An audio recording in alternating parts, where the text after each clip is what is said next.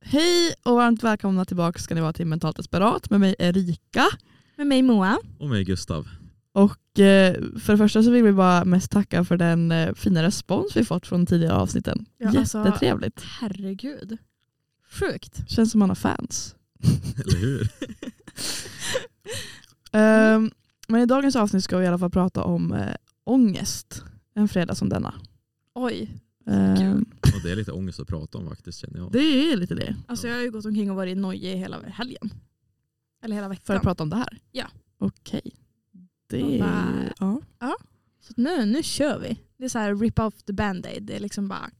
ja men typ. Mm. Men ska Ja. vi inte typ börja med att prata om vad ångest är för någonting då? Ja, Etablera. ja, Ja. exakt. Ja, bra. Vad är ångest? Vad är ångest egentligen? Det är väl typ en oro för någonting. Ja. Skulle jag väl säga. Alltså, Eller, gre- jag, har mm. för mig att det är en definition.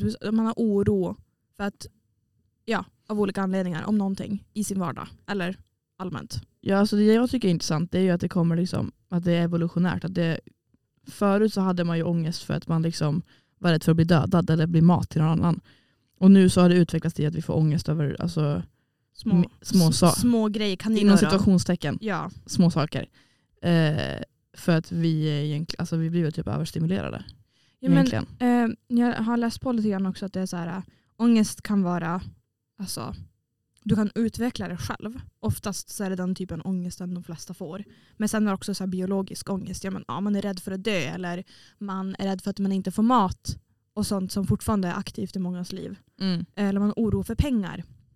Men sen finns det också de här sakerna som är så här, äh, ångest kring betyg. Mm. Ehm, och de, jag vet att um, ångest börjar som en oro i barndom eller tonår. Ehm, men sen när man blir vuxen så blir det ångest. Det är därför många också eh, upplever att den är, den är inte logisk. Jag förstår inte varför jag, varför jag är orolig över det här. Men Mm. det är för att det har fäst sig som en oro som när, när man var i tonåren. För det är då Mm. hjärnan utvecklas och ska anpassa sig. Men också om man typ har varit med om saker när man var alltså, li, alltså liten liten. Ja, ja. Typ så här mycket. Jag vet att om jag är i ett rum och så börjar folk argumentera jättehögt med varandra. Mhm. Då kan jag få ångest för då tar det mig tillbaks till eh, Då du var orolig som barn liksom. ja exakt, med mina föräldrar som bråkar typ. Mhm. Och så får man samma liksom, känsla som man fick då. Och det är väl också en typ av ångest tänker jag. Det är det. Det känns som att det handlar mycket om att, om att man är orolig i mönster för någonting. Ja, Mm. men jag tänker så här, social ångest eh, är väl oftast, alltså jag tänker så här, det utvecklas ju innan man är vuxen. Ja. Det är något man säkert har sedan man är liten. Och då är det så här, ja men det börjar med en oro att vara runt andra och vara i- liksom in, in public. Mm. Och sen går det över till en ångest som går att diagnosera med hjälp av en psykolog. Ehm, det finns också medicinering för ångest av olika sätt. Precis. ja. Olika doser beroende på hur, hur hårt man är drabbad. Mm. Jag tänker att ångest är väl alltså, det är någon sorts oro för något som man tänker ska hända. Eller något som är längre, alltså framåt i tiden och Mhm. inte bakåt i tiden. ja. Ja, Alltså om man typ ska träffa en ny människa eller Ja. träffa, träffa en ny klass då, då sitter man ju och tänker bara Åh, de kommer inte gilla mig. Ja. Nej men jag tänker att eh, för, eh, hur jag känner det är ofta att ja, men, min nervositet, känsla jag har är väldigt snabbt kopplad till min ångest. Mm. Min oro. Ja. Alltså de, de är väldigt, alltså jag har som samma känsla i kroppen och då är det svårt för mig att veta ibland vad är det här. Är det nervositet, är det oro eller är det ångest? Är det en mix av allihopa? För det, alltså, när man ska hålla tal, ingen tycker ju om att hålla tal framför andra elever. Och om man gör det, då kan man gå och ställa sig i ett hörn. Tycker jag. Ehm, Varför då? Nej men eh, alltså, för den upplevelse jag har är att ja, men, när jag blir jättenervös inför att hålla tal så blir jag ja, men, kallsvettig i händerna, jag blir Mm. orolig i magen, jag vill gå på toa hela tiden. Ehm, och det blir det här, alltså man blir alldeles vet, torr i munnen och det, bara, det växer i munnen, det känns som att så här, slemhinnorna är så här, äh, irriterade typ. Ehm, men sen så kan ju den känslan också gå över till något som är större som jag skulle säga är oro eller ångest och då blir det ju ännu värre symptom. Ja. Ja, men det är typ kroppen som gör sig redo att antingen slåss eller fly. Ja, Ja. fight Eller, or flight. eller freeze. ja, Ja. just det. Ja. Jag, jag gick en psykologikurs för något år sedan. Eller en del av en kurs var psykologi. Vår psykologlärare då som var psykolog. Vi, vi frågade om det där. eh, Ja, men typ varför man blir man blir liksom orolig i magen när man blir väldigt stressad eller har så här mycket ångest. Ja. Mm. Och det, han förklarar det typ som att ja, men det är lättare att springa om man, är, om man inte har om man, alltså om man har tom mage. Jaha. Jaha. Så det man, liksom, man vill tömma tarmen och då kan man springa lättare. Jaha, nej, men nu, jag fatt, nu är kopplar ett kilo lättare för att jag gått på toa innan jag springer. Man skiter och sen liksom, nu kan jag springa från, från Okej, ett jag är redo. Nu Nej, men- kopplar det. Okej, ja, okej. Ja, för jag har för mig också att det, jag vet att alltså, min svenska lärare sa det var typ så här, men när man håller tal eh, och man blir nervös, det är ett sätt för kroppen att skärpa sig. Man vet att det är någonting, någonting seriöst som ska ske. Och då blir man bättre på att uttala saker, man är noggrannare med vad man säger, man är mer eh, liksom, aware av sin omgivning. Och det, det är liksom bra att vara nervös inför tal för det, det visar typ att du bryr dig och att du vill göra bra ifrån dig. Det är alltså ofta om du inte blir nervös över någonting, till exempel ett prov eller någonting, då kan det ju vara att alltså, du inte bryr dig. Ja, men jag tänker också typ så här, om man tänker sig om vi går tillbaka till typ så här grott, när vi, var, när vi bodde i grottor. Om man inte sitter och är liksom, man, man börjar inte bli orolig då man känner att jorden börjar skaka lite under en. Då är man ju väldigt oförberedd om det skulle komma typ ett jordskalv eller jordbävning och så kan man inte springa för att kroppen inte är beredd på det. Mm. Det är ju en överlevnadsinstinkt vi människor har att vara oroliga över saker. För om man skulle vara helt jävla chill och sitta där, bara, nej jag bryr mig inte. Då är man ju inte beredd på att springa och rädda sitt egna liv. Nej men nu, alltså oron blir ganska så här, inte så logiskt nu, alltså i samhället vi lever i nu i alla fall. Vi har inte så mycket som hotar våra liv egentligen. Nej, Så det, men hjärnan fattar ju inte att vi lever i, det moderna samhället. Den tror att vi, alltså vår hjärna är egentligen kvar.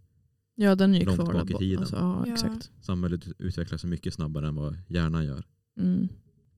Men Erika, ska vi gå in lite grann i, i hur du upplever din ångest? Har Alltså- du, har du diagnoserat ångest? Nej, Nej, inte vad jag vet. självdiagnoserad är den. Ja. alltså. Mm. Eh, men jag har ju fått ångestdämpande Okej. eh, förut. Inför eh, mina studentprov jag hade så fick jag ångestdämpande för att jag skulle kunna sova. Ja. Ja. Det är jättebra. Viktigt att kunna sova. Ja, vilket jag inte kunde då med eh, den ångest jag hade inför dem så att säga. Speciellt matteprovet. Mm. Eh, men alltså, jag har ju ångest över en del kan man ju säga. Eh, jag tycker inte skolan är så stor del av det just nu för jag tycker det vi läser om är intressant och då känns det som att jag kommer klara det. Och det är jätteskönt. Ja, men sen har jag ju ångest över eh, relationer, eh, min ålder.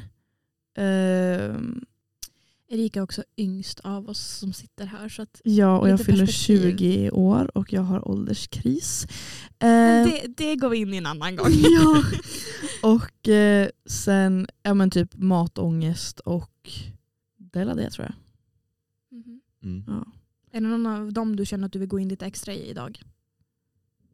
Jag, vet, jag vet inte hur mycket jag ska säga utan att trigga sönder någon. Om jag typ går in på matångest. Triggas av Men- någon eller dig? Eller vad? Eller Nej, jag blir inte så familj som inte vet om det? Nej men familj vet nog om det, Okej. tror jag. Eh, men, eh, De lär veta nu. Vi kanske ska ha en liten trigger warning på det här äh, Ja. avsnittet. ja men jag känner det, för att om man ska prata om matångest då känns det som att det ja, kan Ja. trigga någon. Jag blir inte triggad av det själv men jag vet att andra kan bli.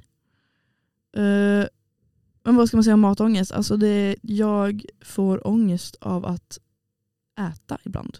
Just nu är jag inte i en sån period men det går i perioder. De perioderna är inte roliga. Så det är väl egentligen det man kan säga om det. Mm. Ja. Hur, känns det, hur, hur känns din ångest i kroppen? Vad, vad är det för typ av symptom kaninöron får? Alltså det beror helt på vilken, alltså, vad jag har ångest över. Men det är alltså hög puls, typ så här, vad heter det? Ont i typ bröstet, klump i halsen, eh, kan sitta och widgeta, heter det så? Ja. Med massa saker. Ehm, ja. Eller fidget va? Ja, Ja, alltså, fidget, sitta ja. och hålla på med någonting med ja. händerna. Jag är förkyld, så jag ursäktar om ni hör lite hostningar i bakgrunden. Ja, det är Erika som får en attack. Ja, Ska jag gå in lite grann i det jag har då? kör hårt. Min in, alltså, ångesten som jag har inte heller diagnoserad, den är självdiagnoserad. Och jag vet inte vad folk tycker om det. Jag säger att jag har ångest för det är det lättaste jag kan. Alltså när jag, när jag söker upp symptomen som jag har haft och har, då kommer det upp Ja. ångest. Ja. Ehm, nej men för mig så börjar ju den, jag tänker inte säga vad den ang, alltså, angår eller vad den är kopplad till. Det känns lite för personligt för mig just nu. Mm. Men den började typ när jag var 16-17. Mm. Så jag har haft den sedan dess. Så jag fyller ju snart 21. Ehm, men jag har ju också haft en ångestattack. Eh, och det har jag haft på ett flygplan på väg ut från Sverige. Men ehm, det som blir för mig när jag upplever ångest är att jag blir alldeles tjock i munnen. Jag, det är som att jag inte längre har kvar någon saliv. Eh, jag sitter jättemycket och håller på med mina händer och mina naglar. Ehm, och ja, min pojkvän är ju då såklart medveten om det här så han kan ju sitta till mig och säga bara, men Moa vad håller du på med med händerna igen? Ehm, och så sen så att jag får jättehög puls och det känns som att det är tryck över bröstet. Ehm, väldigt kopplat till min andning. Jag tycker Mm. det är jätte, jättejobbigt. Att, inte att andas speciellt men det känns som att jag får inte nog mycket syre i mina lungor. Mm. Och då är inte det, här- det här är inte då attacken jag beskriver utan det här är symptom jag kan känna i min vardag. Och sånt. Då jag har mycket ångest. Mm. Jag tänker att vi kan gå in på ångestattacker sen. Ja, Ja. men sen är det också väldigt mycket alltså, oro i min mage. Inte att jag sitter och behöver bajsa på mig direkt men alltså det känns den här nervositetskänslan man kan ha i magen den är väldigt aktiv hos mig. Mm. Det är vad jag upplever. Hur är det för dig Gustav? Hur är det för mig? Ja. Eh, alltså när, jag, när jag tänker tillbaka på mitt liv så har mitt liv varit ganska så ångestfyllt. Eh, mycket kopplat till ja, men framförallt prestationer då, tror jag, tänker jag. Så här, I skolan har jag alltid velat göra bra ifrån mig. Eh, också mycket så här prestation, eller mycket så här kroppshets och typ ångest kring det. Att jag alltid trott att jag själv har varit liksom tjockare än vad jag kanske egentligen är. Och det är lite så här, Mm. vad heter det, body dysmorphia, nu vad det heter på svenska. Eh, Dysfori typ. ja, kropps, någon, ja, något sånt där. Alltså vi alla sitter ju här och snackar svengelska hela tiden Ja. och det får väl folk. Men det, jag tänker att ni får, ni får får googla tolerera om ni det. inte vet vad det är. Ja. Ja. Eh, mycket sånt. Eh, ja, jag, jag har också jobbat mycket på, på senare år med det där, så här, med kroppen, alltså vad jag tänker om min egen kropp och mat och prestationsångest och sådär. Vad, vad det säger för någonting egentligen till mig. Att jag, alltså jag, jag var väldigt rädd för väldigt mycket i, i mitt liv. Och det som jag har det som har också gjort att jag har klarat att göra saker är också rädslan som är så här, ja men, jag är rädd för att ja men, om jag inte klarar den här tentan då händer då så här, katastroferar att ja men, då händer det här och det här. Mm. Men, och då har liksom det, den ångesten fått mig att plugga också. Mhm. Fast jag har mått jävligt dåligt den tiden också. Bara så här, suttit och varit jätte ja, men, stressad och sådär. Men eh, har du en diagnoserad ångest eller är den självdiagnoserad? Eh, när jag varit hos en, eh, en läkare, det, det har ändrats lite när jag kollar i min journal. Sådär. Eh, Ibland har det varit så här, De bara, vänta ursäkta jag tar tillbaka det där. ja men det är så här, lite olika läkare säger olika saker ibland. ja. Eh, från början var det typ, då var jag någon diagnos som var så här medelsvår till svår depression och sen, eller, ja, och sen blev det så här, det, det är också kanske naturligt att ens eh, tillstånd så här förändras. Sen blev det så här eh, blandade depressions och ångesttillstånd. Mhm. Eh, Så det är väl det som står senast tror jag. Men nu har jag inte varit hos läkaren på bra länge så det kanske också förändras. Men jag vet inte. Så den är ju diagnostiserad av en professionell då. ja du har utrett den. Ja, Ja. precis. Och eh, medicinerar för den och gått i terapi och allting. Ja. Ehm, sen är också en del så här social ångest. Eh, ja, men kanske speciellt, det tas väl uttryck kanske mest när det gäller ja, men prata inför folk när man ska hålla föredrag och sådär. Mm. Brukar ofta känna så här, ja men det vanliga typ svettiga händer, torr i munnen. Jag får mycket så här Mhm. tunnelseende, alltså ångesten hjälper mig inte på någon, något sätt att så här, prestera egentligen. Nej. Det bara blir bara så här, så tappar jag orden det, jag kände jag gjorde det idag på seminariet också när jag skulle prata om någonting, bara när vi satt vi, vad var det, Ja, fem stycken. ja. Att jag bara så här, ibland min hjärna bara så här, jag typ kollar ut i det tomma intet och så är det bara blankt. Det finns ingenting i hjärnan. Mm. Och så måste jag liksom bara snap out av it och bara, vad fan, vart är jag någonstans nu? Ja. Så det, ja, Just det, det där med tunnelseendet hinner jag nästan typ glömma bort för det var så länge sedan man pratade inför, alltså typ hade tal. För det känner jag ju igen. Det var ju typ det så svenska och engelska läraren sa man bara men ni ska titta runt i rummet när man håller tal. Man bara ja men jag ser för fan ingenting. det är som skygglappar på hästar. Ja, men det är så det Det är känns. som när man tittar genom en kikare fast Mm, åt fel håll i kikaren. Ja. Ja. Nej, Jag har faktiskt aldrig, alltså när jag har hållit- hållit presentationer och sånt, då, då har jag ju kunnat bli så att jag blir så nervös att jag ja, men stammar eller tappar orden. Men det, jag har nog alltid kunnat liksom så här, vad heter det, vara be present och bara så här kunna kolla Ja. på alla och sånt. Ja, jag, jag har inte tappat bort mig någon gång i tal hittills i alla fall. Men jag vet ju att jag tycker, alltså redan innan jag ska prata och hålla sånt där, då tycker jag att det är jätte, jättejobbigt. Ja, det är Men- inte det roligaste som finns. Det var lite intressant för att min kille idag, eller inte idag, eh, här i veckan, han bara, alltså det märks väldigt mycket på dig när du blir nervös. Han som känner mig jättebra då. Mm. För alla andra märks det ju inte. Men han säger det, typ, din copingmekanism det är ju att börja dra skämt och vara rolig. Jag bara va? Han bara ja alltså, för vi satt i bilen med hans kompisar, jag har aldrig träffat dem förut, jag fick träffa dem eh, nu först i helgen. Vi var på Jokkmokks marknad. Ehm, och han bara ja men vi satt, vi satt där på bilen på, på vägen dit och det tar typ tre timmar. Han bara nej alltså det enda du satt och gjorde det var att du satt och höll på med dina händer så här och satt och petade i dem också och sånt där. Och så la du små skämt typ hela tiden. Mm. Jag bara, ja men det är för att jag blir nervös. Och sen så säger han, men när du blir mer bekväm då blir du inte rolig längre. jag bara, jaha okej. ja det var inte meningen, jag ska tänka på det då. Nej, men jag tror att det också är så här, man, man vill bli, vad heter det, alltså gillad av folk. Ja, så då vill- försöker man ju bara, Exakt. ja. Det är Det svårt också att så här, märka de här beteendena själv också för att de där Ja. gör man ju själv hela tiden. Och Mm. Man behöver någon annan som bara pekar ut, men det där, nu gör du Mm. det här igen. Ja. Ja men det är samma sak när jag sitter och så här, ja, men när jag sitter och håller på med mina händer så här. Och han märker det direkt. Mm. Då är det så här, ja men just det. Ja. ja, bra. Mm. Men eh, ni båda har fått ångestdämpande medicin. Ja. Mm. Ja, det har ju inte jag. Jag har ju tittat på egna sätt att ja, men, försöka dämpa när jag får här ångestpåslag eller ett påslag Mm. av oro. Ska vi kanske gå in lite grann i hur vi gör för att försöka hantera vår ångest i vår vardag? Ja. Ja, så jag fick ju faktiskt tips nu sist jag var till psykolog i, vad heter det, på Åland. Mm. Då fick jag tips att man skulle doppa huvudet i en eh, iskall vattenskål. Ja. Och då typ eh, då kom alltså huvud, eller så här, hjärnan tänkte att eh, man håller på att drunknar och då blir det liksom Man chockar ju systemet. ja och pulsen går typ ner och allt det här. så. Mhm. Så om man typ håller på att få en alltså, ångestattack eller någonting så sa hon att det här kunde vara bra. Eh, för jag har ju inte haft de bästa coping mechanisms under åren. Nej. Så hon försökte hjälpa mig med det.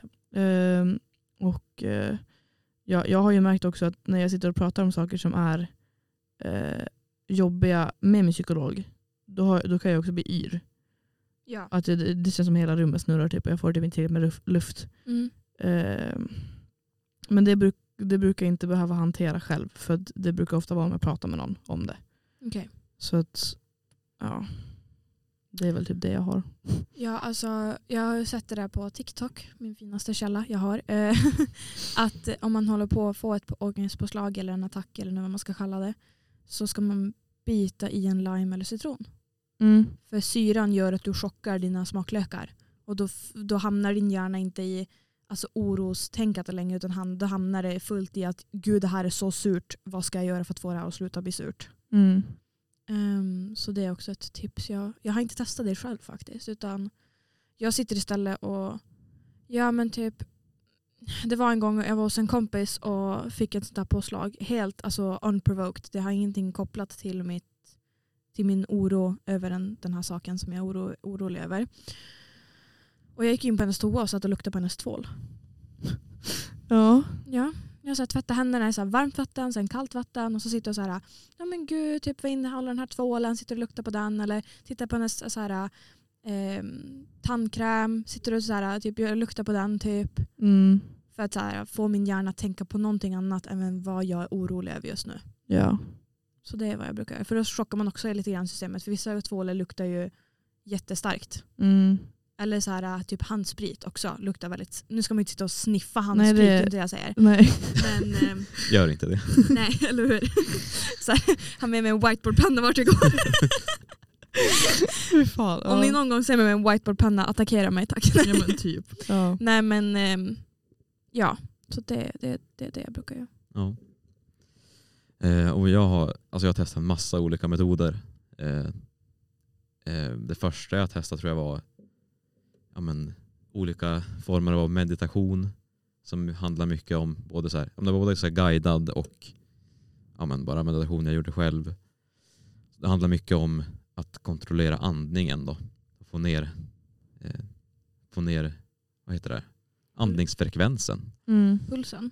Eh, ja, den följer med också. Okej. Eh, men alltså man kan typ kontrollera, eller jag känner i alla fall att funkar för mig att, ja, men, en som jag brukar använda mycket nu är ju den här, man andas i en fyrkant, att man andas in i fyra sekunder, håller andan efter det i fyra sekunder, andas ut i fyra sekunder och sen håller man andan i fyra sekunder till. Och sen Mm. kör man det där, de här 16 sekunderna, hela, ja, så länge det behövs då. Ja. Eh, och det brukar jag göra inför, ja, men, när jag ska hålla föredrag eller ja, prata inför folk och sånt där. Eh, så en grej som jag också brukar göra är att jag brukar, alltså när jag duschar så duschar jag ofta kallt, alltså det kallaste som går. Mm. Och då, det känner jag också att då, alltså om jag har jättekallt vatten på mig kan jag inte fokusera på någonting annat än just det kalla vattnet. Ja. Ja för kroppen försöker på något sätt typ fly undan det kalla. Ja, Ja. Eh, det är ett sätt också. Och så brukar ett tredje också är att ja, men, röra på mig. Så byta miljö, Mm. ut, och, ut och springa eller gå eller bara ett tag gjorde jag mycket armhävningar. När jag fick en viss eh, tanke, väldigt så här, eh, ja, men, det var en period när jag kanske det var mer risk för min fysiska hälsa också. Mhm. Mm. Eh, så varje gång jag fick liksom en, en viss tanke kopplad till en viss sak, då gjorde jag tio armhävningar. Och alltså det slutade ju med att jag gjorde kanske 200 armhä- armhävningar om dagen. Ja, vilket Ja. bröst man ska få efter det. Alltså. Ja, Vilken pump. så det, det är ett sätt att fri, alltså, man känner det fysiska istället för det mentala ett tag. Mm. Flytta liksom fokus. Jag vet också så här långsiktigt så här, äh, hur man så här, minskar sin ångest. Eller det jag har upplevt i alla fall är att eh, då är jag väldigt aktiv i min träning. Och ja, men, typ känner så här, ja, men, kanske träningsvärk då och då typ, och ja, men, är igång och rör mig. Då är min ångest på väldigt låg nivå. Mm. Mm. Och så märker jag ganska direkt när jag slutar träna hur den sakta men säkert bara pop, pop, pop, pop, i min vardag igen. Ja. Så att det finns många bra sätt att man kan naturligt ta hand om det. Alltså, jag, ty- jag tycker träning är... Alltså jag tycker jag sover bättre, jag blir piggare, allt det här. Eh, men också ibland att om jag går till gymmet med ångest så kan jag få högre ångest när jag tränar. För det känns, då känns det som att kroppen tror att eh, jag får en panikattack när jag får så hög puls medan jag tränar. Mm. Så då blir det så att jag sitter på gymmet och har typ en panikattack. För att det blir så här, det blir krock liksom. Det vet jag har skett för mig. Jag har gått till gymmet, varit skittaggad på gym och allting och sen så när jag väl alltså jag hinner komma igenom typ halva mitt pass och sen sitter jag där och ska göra höftlyft och jag bara alltså jag zonar helt ut och har alltså jag bara nej men alltså jag måste gå hem. Det här går inte. Jag har så hög puls och alltså typ ångesten går igång på det. Mm. Ehm, och då är det ju bättre att jag sätter mig typ ja, i omklädningsrummet och sitter och gör and, andningsövningar eller luktar på tvålen eller på spriten eller ja, men vad som helst. Mm. Handsprit då såklart. Ta med vodkaflaskan Ja, till. hur? Till gymmet ja. Ja.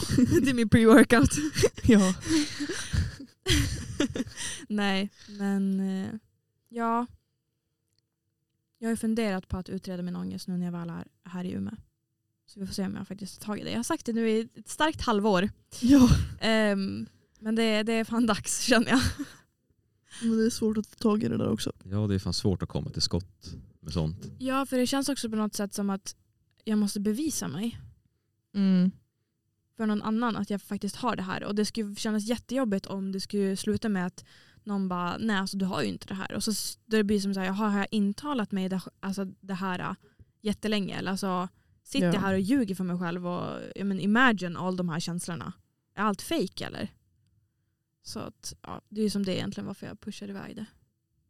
Ja, Men vad, vad är det du tänker att en diagnos ska, ska göra? Nej men alltså, jag vet ju då, då min ångest är väldigt hög. ehm, då, alltså ja, kopplat till det det är kopplat till.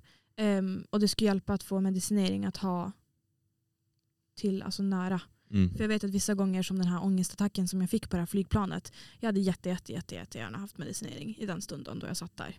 Mm. Ehm, även fast jag anser att min ångest är hanterbar, som jag ofta brukar säga när jag pratar med Erika, ja, men, "Ah, jag hanterar det just nu, det går bra, det går bra. Så känner jag ju fortfarande oro i min vardag och ja, men, det går ju inte en vecka utan att jag har, alltså, då jag känner ångest. mm. I alla fall alltså, ända sedan ja, men, årsskiftet. ja. Ehm, så att, ja, det är som därför. Och Men- kanske få lite tips också. Mm. Mer än vad vi gett varandra nu. ja. Från en som faktiskt kan. Vi är Mm. bara amatörer som sitter här egentligen. ja, men typ. Jo. Nej, men jag tänker att alltså, oavsett vad en, vad en läkare eller psykolog säger så eh, din- dina känslor som du känner, de är ju ändå det är, det är de du känner, alltså det är de du känner, de är Ja. ju valida Jo. att känna. Så det, oavsett vad någon annan säger så är ju ens känslor ändå sanningen. Jo. Jo men så är det ju absolut. Men det blir ju också en helt annan grej då det kommer från en professionell som ska veta. Mm. Då känner man också så här, bara, jaha okej. Ja, typ. Nu är det dags att visa upp sig och förklara. För det är det också, den här ångest. När jag satt där på, på flyget och fick den här attacken. ehm, jag tror nog att om David skulle sitta här, för han satt bredvid mig. Om David skulle sitta här och förklara den så hade han haft så mycket mer detaljer än vad jag har. Mm. För att jag kommer knappt ihåg den längre. Mm. Ehm, jag kommer bara ihåg, det starkaste minnet jag har av den det är då jag sitter och förklarar det för min mammas pojkvän. För han är sjuksköterska. Ehm, och då satt jag bara och förklarade den och han bara, men det där låter som en typisk, alltså en typ en klassisk ångestattack. Mm. Eh, så att det är vad jag har i minne av den egentligen. Alltså när jag återberättat den för folk. Inte själva händelsen längre. Nej men det är ju någonting som hjärnan helst trycker undan för det är ju inte jättenice att vara med om liksom. Nej, det, och det är så mycket alltså, känsla kopplad till just där det, alltså då det skedde. Så att, ja, jag vet inte riktigt. Mm. Nu vill inte jag ha massa familjemedlemmar som inte vet om det här. De får fan inte ringa mig efter det här släpper. Utan om ni, ja, jag mår bra. Ni behöver inte vara oroliga. Det är lugnt. Exakt. Ja, ta det chill. Eh, nej men jag, jag har ju också fått en, en ganska grov ångestattack då. Men det var ju också under när jag var alkoholpåverkad. Så det gjorde inte saken bättre. Eh, alkohol är ju ångesthöjande. Är det så? Ja. Det har en depressiv effekt i alla fall. Ja, nej men så då vet jag typ under den festen som vi hade då som var i en, i en liten stuga. ehm, så började jag må dåligt där ett tag och så la jag mig på sängen och så fick jag så jätte, jätte, jättehög puls. Och jag trodde att jag hade en hjärtattack. Och jag trodde jag skulle dö. Så jag låg där och liksom hulkade, alltså vaggade mig fram och tillbaka. Min kompis kom dit och liksom höll om mig och bara det är lugnt, det är lugnt. Och jag ligger där liksom så här, har alltså, årets panik för jag tror ju på riktigt att jag ska dö. Och jag bara, ska dö på en fucking stugfest? Och så liksom ringer de ambulansen dit för, de, för jag var så övertygad om att jag skulle dö. Liksom. ja. Eh, och sen så ambulanspersonalen märker ganska snabbt att det är en ångestattack. Så att jag förs till akuten då. Och så kom mamma och hämtar upp mig typ två timmar efter. När jag hade sovit lite och sånt. Hur gammal var du då? 18 Okej. tror jag. Ja. Ja. Det är lite intressant det där med alltså, alkohol och alkoholens effekt. Mm. För jag vet att det är väldigt, eh, det här jag pratar mycket med kompisar om, eller ja, med er om i alla fall. Mm. Eh, att det beror jättemycket på vilka folk jag är med när jag dricker alkohol. För att om jag är väldigt bekväm med många människor så kan jag dricka ganska mycket mer alkohol och vara på liksom samma nivå av full som jag är om jag är väldigt obekväm och har mycket ångest kring människor och dricker Mm. lite. Så ja men det var, vi hade spelkväll hos mig, alltså vi tre. Och jag drack jättemycket. Och jag fnissade och jag var jättefull och sådär. Men ja, så jag tror aldrig jag druck, druckit så mycket alkohol i mitt liv. Oj. Men fortfarande så, så jag var så bekväm och jag hade ingen ångest alls. Vilket gjorde att jag kunde slappna av och ha så mycket roligare. Ja. Ha så mycket mer kul. Men när jag är med människor jag inte är bekväm med då blir jag väldigt så här. Alltså min omgivning, alltså jag, jag, jag måste ha typ kontroll. Jag känner att det är jättejobbigt om jag skulle få ett påslag just nu så jag dricker mindre. Eh, och jag blir väldigt obekväm i känslan av att vara full. Eh, men det är också för att jag har typ lite av en kontrollhjärna så det är det då. Men eh, om jag verkligen kan slappna av runt folk då tar det som en jättefin komplimang. För det är det. ja. Hur upplever du att det är när du dricker alkohol? Oh, ja, alltså det, de allra flesta gånger, om jag tänker tillbaka, eh, innan jag började gå i terapi för första gången så tänkte jag inte riktigt på hur det påverkade. För så här, ja, men, varje, gång, eller så här, varje gång jag hade druckit och varit på fest och varit ute och sådär så gick jag alltid hem. Men alltså, jag blev kanske inte hade ångest utan jag bara var väldigt, väldigt nere varje gång jag gick hem Mm. efteråt. Så här, man, efter man klev av bussen så här, sagt hej då till sina kompisar. Och bara, så går man hem och lägger sig och bara, åh fy fan vad botten det här är. Jaha. Eh, och jag, jag är fullt medveten om det nu också att det är inte konstigt om, om jag liksom hade en begynnande depression eller vad man ska säga och drack alkohol Mm. så fick den den effekten. För från Mm. början när man dricker alkohol, när man väl som ska få upp sin fylla eller vad man ska säga då eh, då, då liksom har den en, ja men det är någon, någon av de här, vad heter det, Serotonin, precis någon av de här, Hormonerna. ja, Ja. känna bra hormonerna. precis, de är från början och sen när man som går ner och inte dricker mer då blir det som depressivt istället. De, de tömmer ditt system på dem. Ja, Typ. Så det har jag känt mycket. Och jag har haft, ja, un- under hösten nu senast tror jag. Vad händer nu? Vad är det som sker? Hallå? Nej. Jo den spelar in. Gör den det? Det står ju det i alla fall. Okej, vi fortsätter. Det var ju så den gjorde förra gången. Eller kanske bara slutet. inzoomad. Nej. Nej, vi, Eh, vi fortsätter. För det var ju så här den gjorde förra gången mot slutet. Ja, Så vi fortsätter. ja. Det är bara Okej. att vi inte ser längre. Ja, vi lär ju märka om vi lyssnar på det här. Fan. Ja. Ja men, ja, vart var jag? Fest, dricka, Serotonin. ja.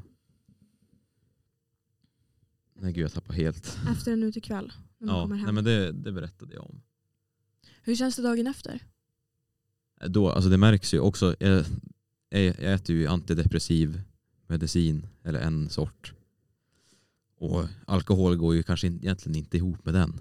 Och den brukar ju ofta göra att effekterna som är efteråt, alltså att känna sig bakis och så här, bakisdeppig, sitter i längre. Så alltså det, ibland känns det som att den bakisdeppigheten kan sitta i typ ja, nästan en vecka efteråt. Mm. Så ja, jag, brukar, jag tar lite lugnare på den fronten nu för tiden. Ändå skönt att veta av det. Ja, Att känna att jag kan faktiskt förändra det. ja visst. Nej, det, det är jätteskönt att vara medveten om det. Så då kan, man, då kan jag göra någonting åt det också. Vad är det för dig efter en utekväll?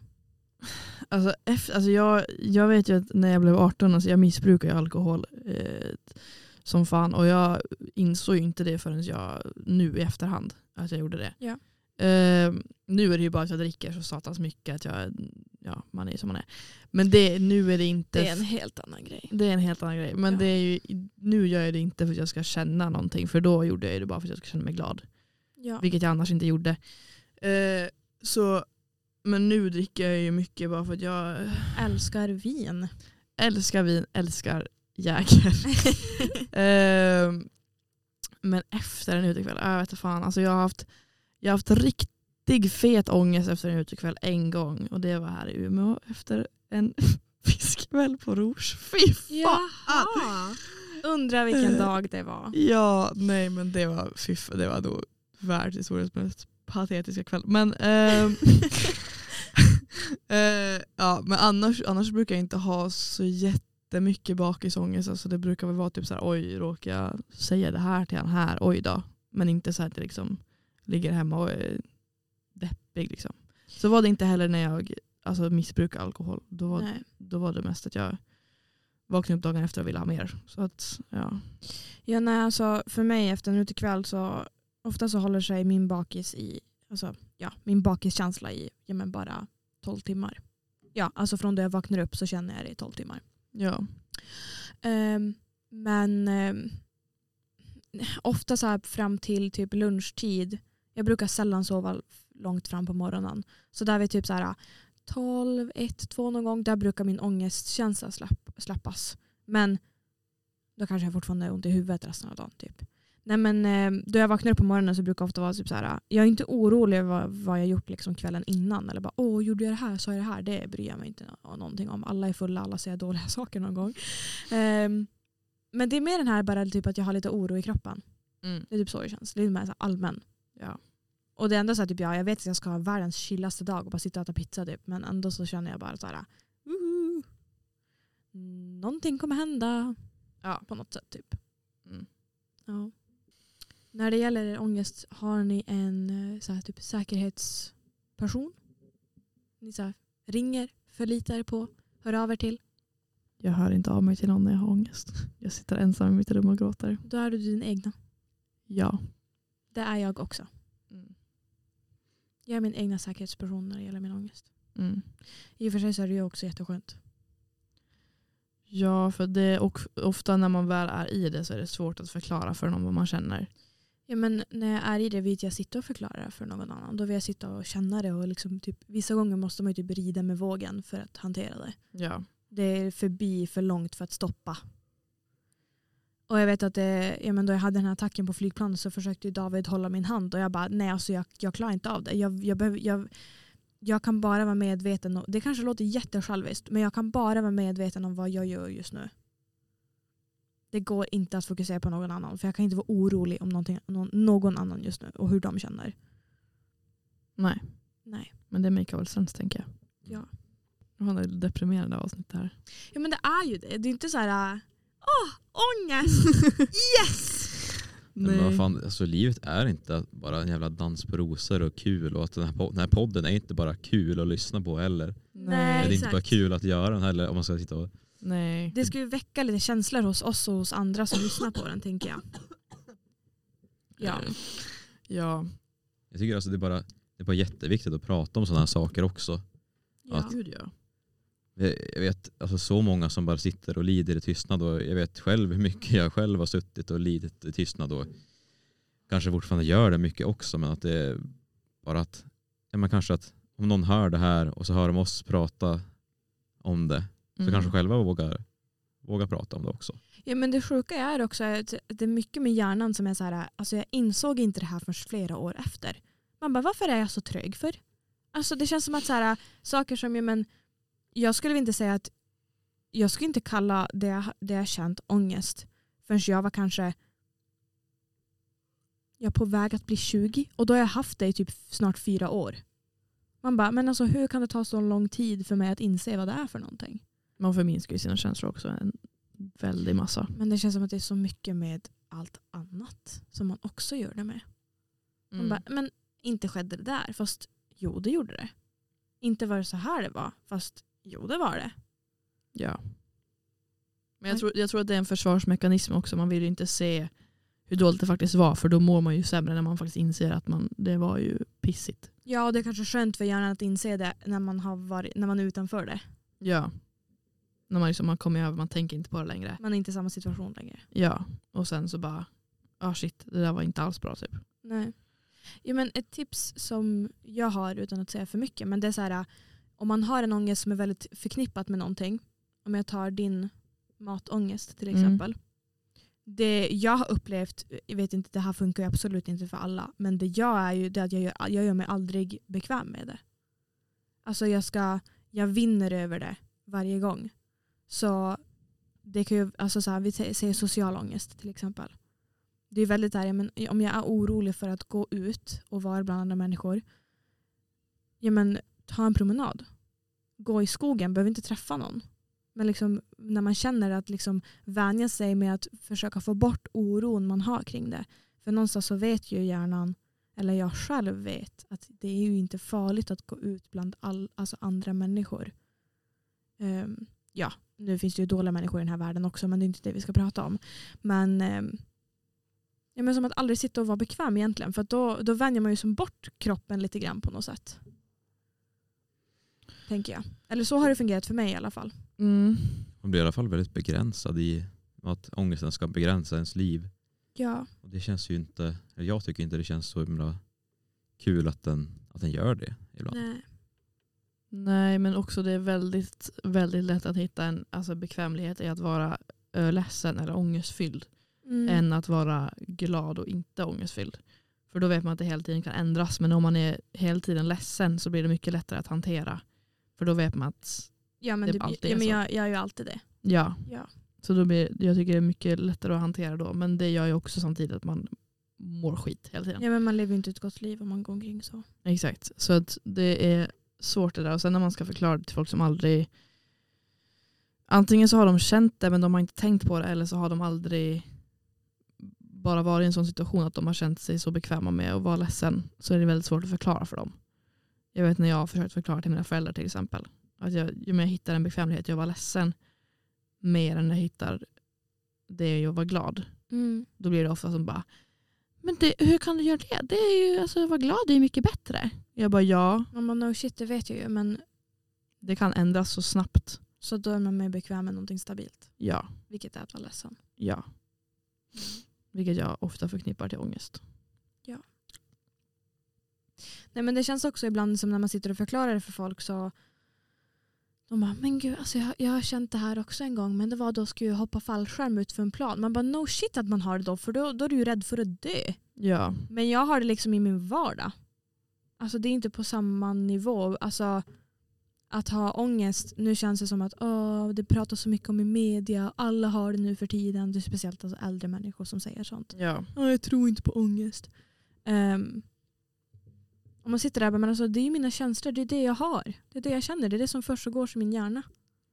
ja, plus de kan inte säga att plötsligt har alla ångest. Alla har alltid haft ångest, det har bara inte pratats om. Ja.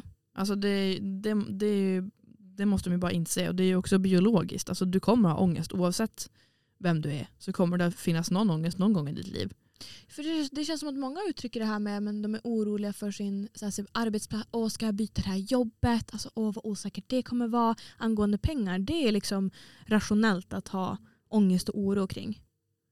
Eh, man bara, ja men såklart. Nej, men, åh, man vet inte om man gör rätt val och sånt där. Mm. Men eh, när man pratar om någonting annat då är det så här, nej men gå bara över det, det går bara över, det kommer lösa sig. Nej, inte om man inte jobbar på det. Men mental hälsa överlag är ju väldigt tabubelagd.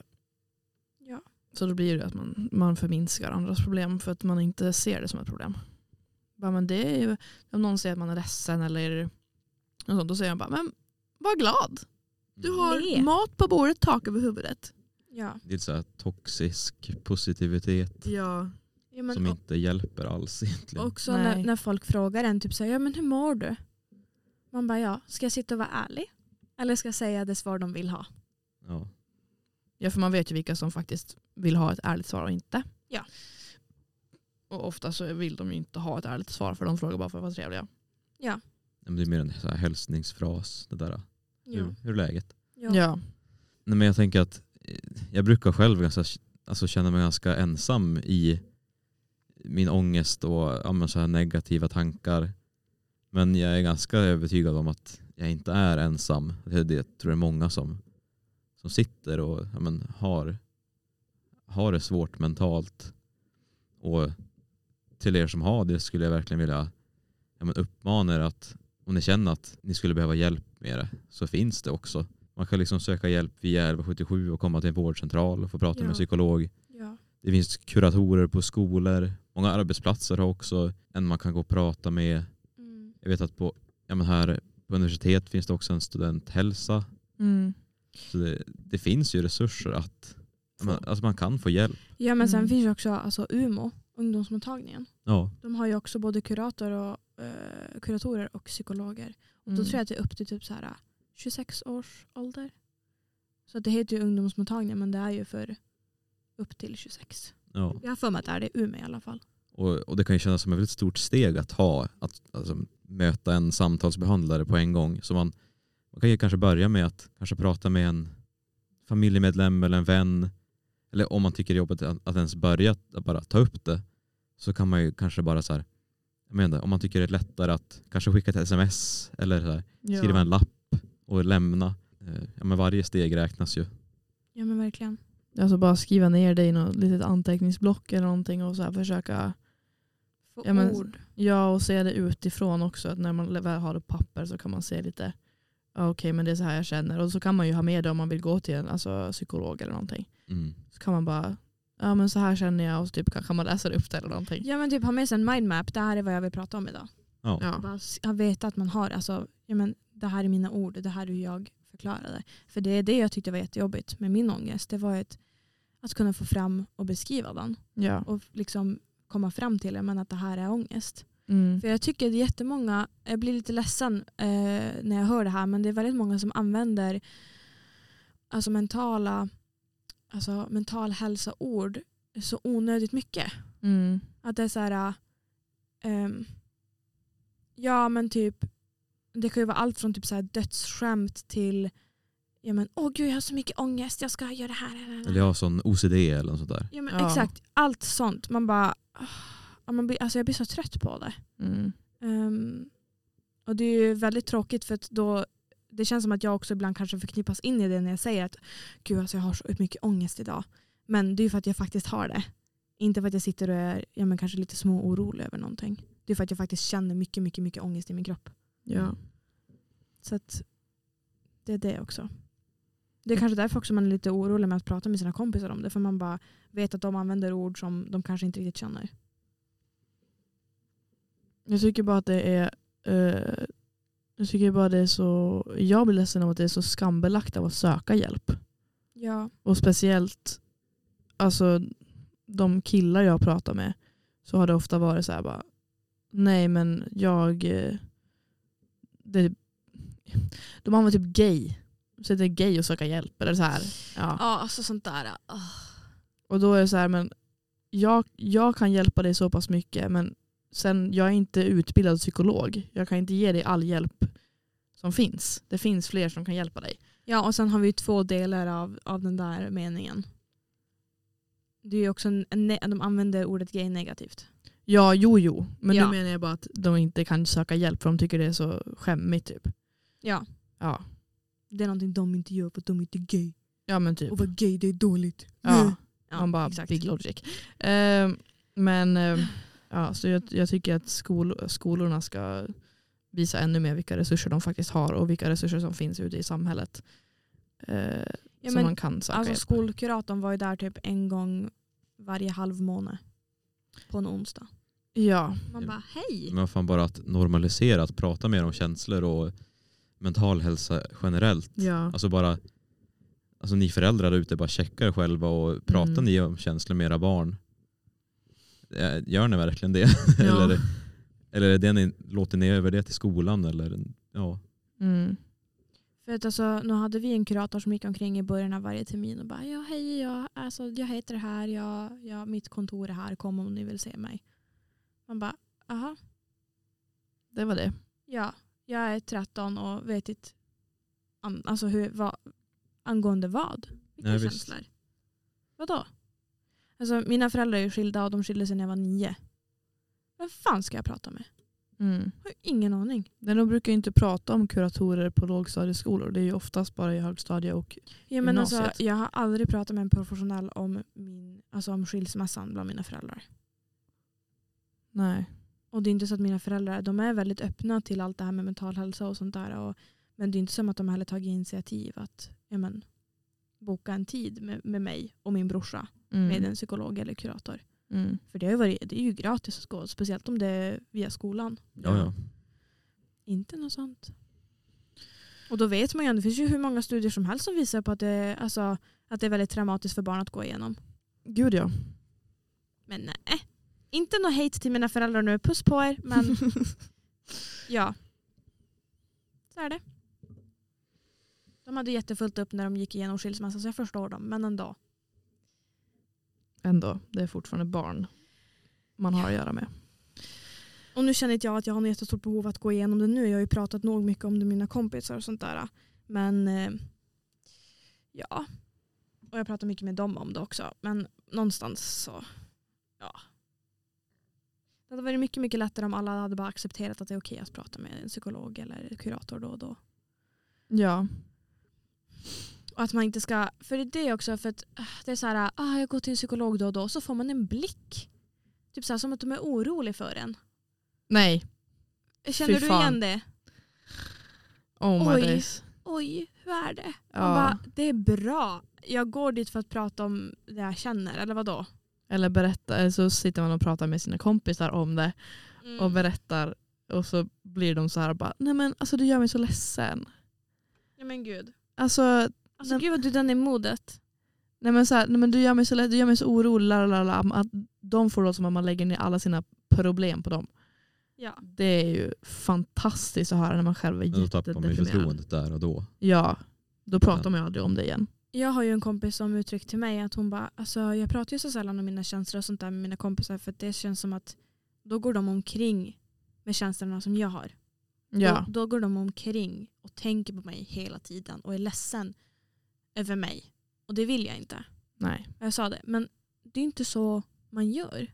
Egentligen så, ja lite grann, man kanske tänker lite extra på den här människan och ringer dem en extra gång.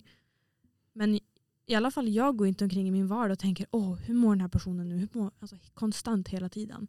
Utan jag, Nej. jag tänker bara, gud jag vill att min kompis ska må mycket bättre. Och så kanske jag läser en artikel eller ser en TikTok och skickar till dem som jag tror kan hjälpa. Och sen kollar man upp med dem då och då och känner hur de mår om de vill fortsätta ta upp ämnet. Ja. Så det är det också. Man ska, ju, man ska ju känna att man kan lita på sina kompisar och berätta om det. Och så om man märker att man blir dåligt mött då förstår man att det här är mina kompisar. Preach. Det har jag gjort med en, en av mina, min bästa vän.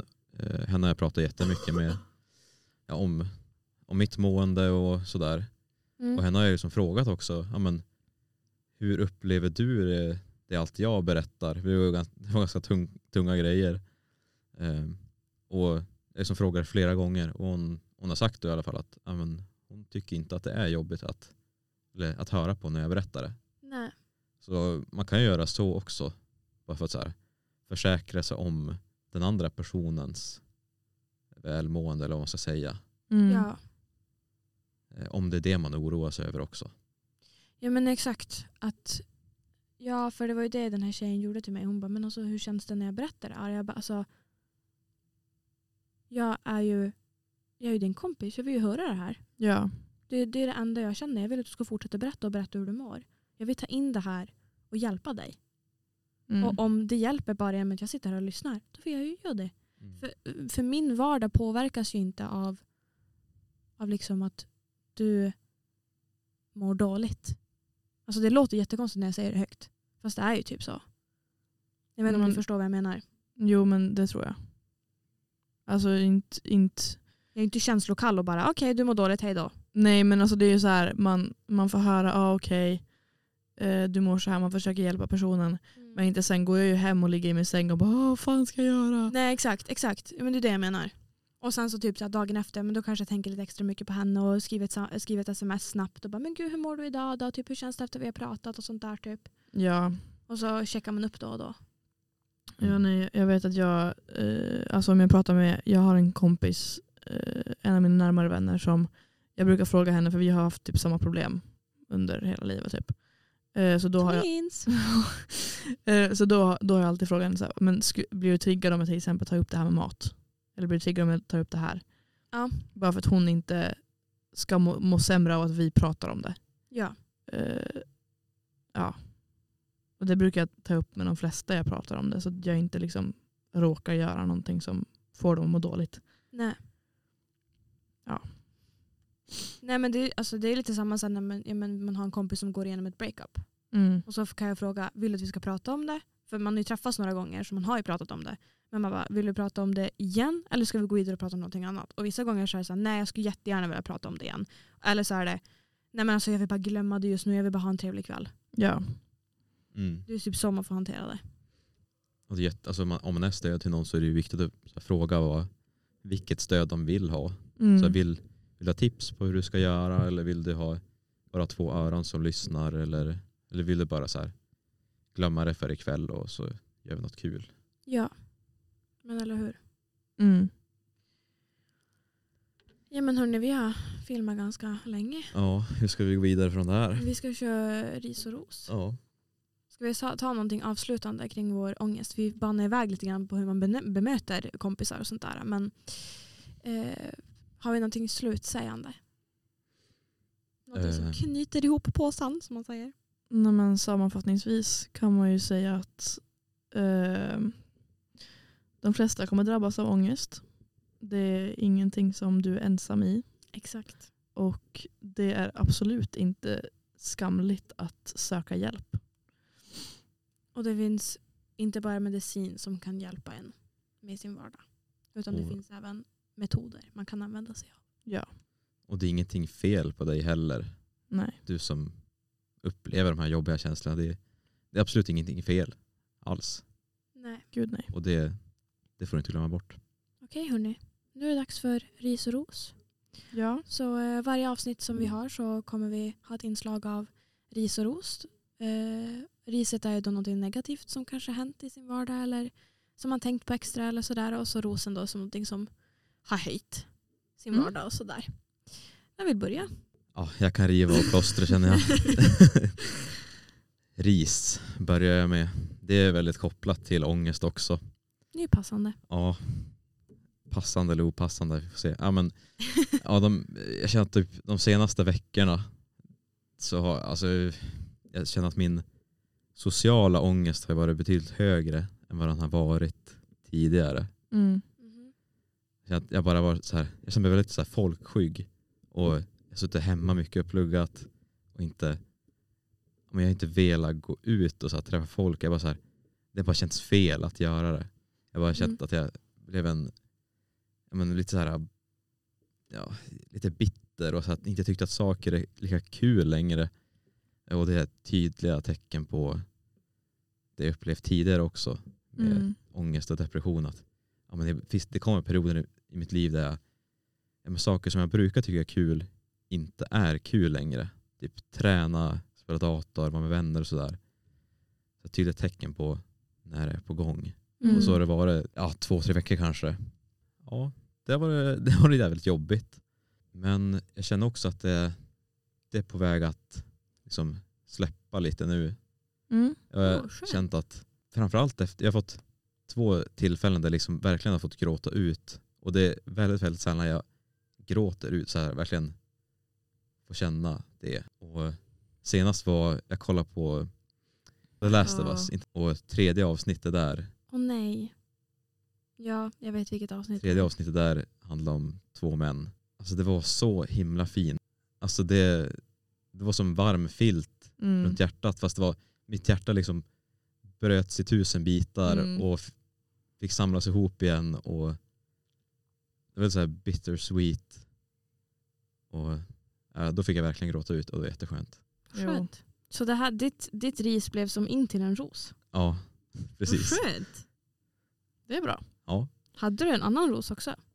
Eh, ja, det var det också, jag kollade också på, det finns en svensk konstnär, influencer, youtuber som heter Jonna Jinton. Hon gör massa olika videor, och- vloggar och grejer. Men hon gjorde också en video om, eh, hon, nyligen så fick hon så här, eller upp, nådde hon upp till fyra miljoner subscribers på youtube eller något sånt där. Jävlar. Och Uff.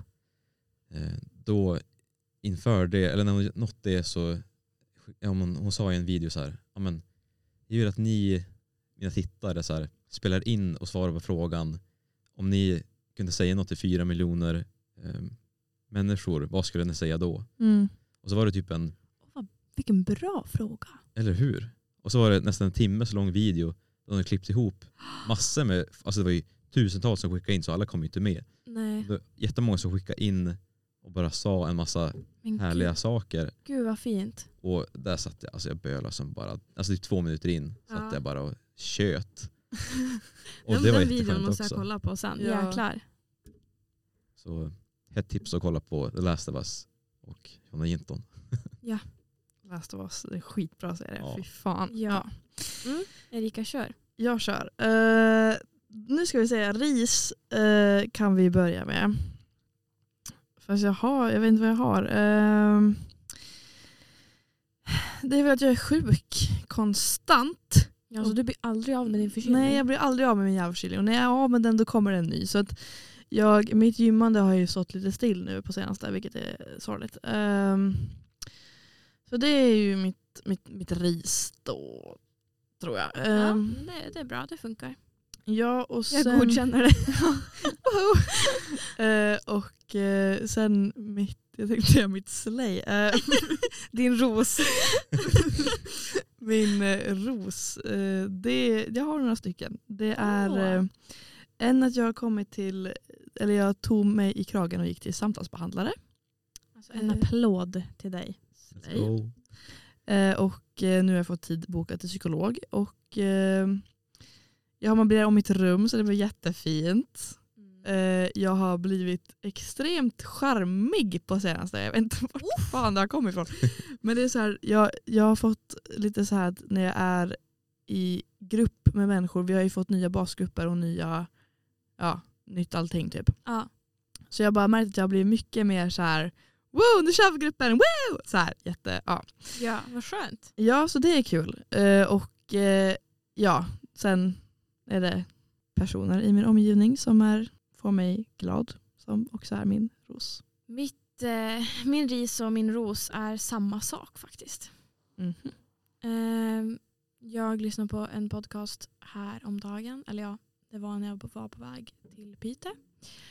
Och eh, det är en kvinna som sitter och pratar om, alltså det är Discover podcast heter de. Hon sitter och pratar om att hon eh, går i terapi och går tillbaka till eh, sin, sitt lilla jag. Eh, i kopplat till eh, våld hon upplevt i sin, sin vardag. Eh, och att hon har jättelite minnen från sin barndom just för att hon har varit med om så mycket. Och eh, hon tar upp en låt som har inspirerat henne ganska mycket. Vilket är, nu ska jag ta fram så att jag säger rätt här. Ni vet hon som eh, sjunger det här med typ eh, den blev jättekänd. Eh, det här med typ att snorta kokain i, i ba, the back of the taxi. Den är ju engelsk. Eh, ja, Ra- Rain typ. Ja, hon heter ju Ray. Hon har kommit ut med ett album. Ja, Eh, och låten heter i alla fall Ice Cream Man. okej. Och då sjunger ju hon om en våldtäkt. Fy fan, okej. Och den är jätte, jättefin den låten. För att den ger så mycket Alltså man blir såklart, eller jag blir väldigt upprörd då jag lyssnar på den. För att det finns ju saker i mitt liv som, inte, jag har inte varit med om en våldtäkt, men saker som man har gått igenom som har varit inte optimala. Um, jag, får, jag får jättemycket styrka av den. Den är väldigt, väldigt fin. Så den rekommenderar jag att alla ska lyssna på. Eh, men var beredda på att hon, hon, låten börjar med just att hon beskriver hur det skedde. Mm. Eller hur hon hamnade i den sitsen. Så att, Mm. En liten trigger warning där. Men ja. Så det är både min ris och min ros. Vad fint avsnitt. Ja, Eh, Tungt. tungt men fint. Vi Ja. fick fram bra, bra, vad heter det? Slutsatser och sånt. Ja, det känns som att mina axlar är lättare faktiskt. jag känner mig mycket lättare nu. Ja. jag måste rätta på min blåsa så att eh, vi ska börja avrunda. Ja.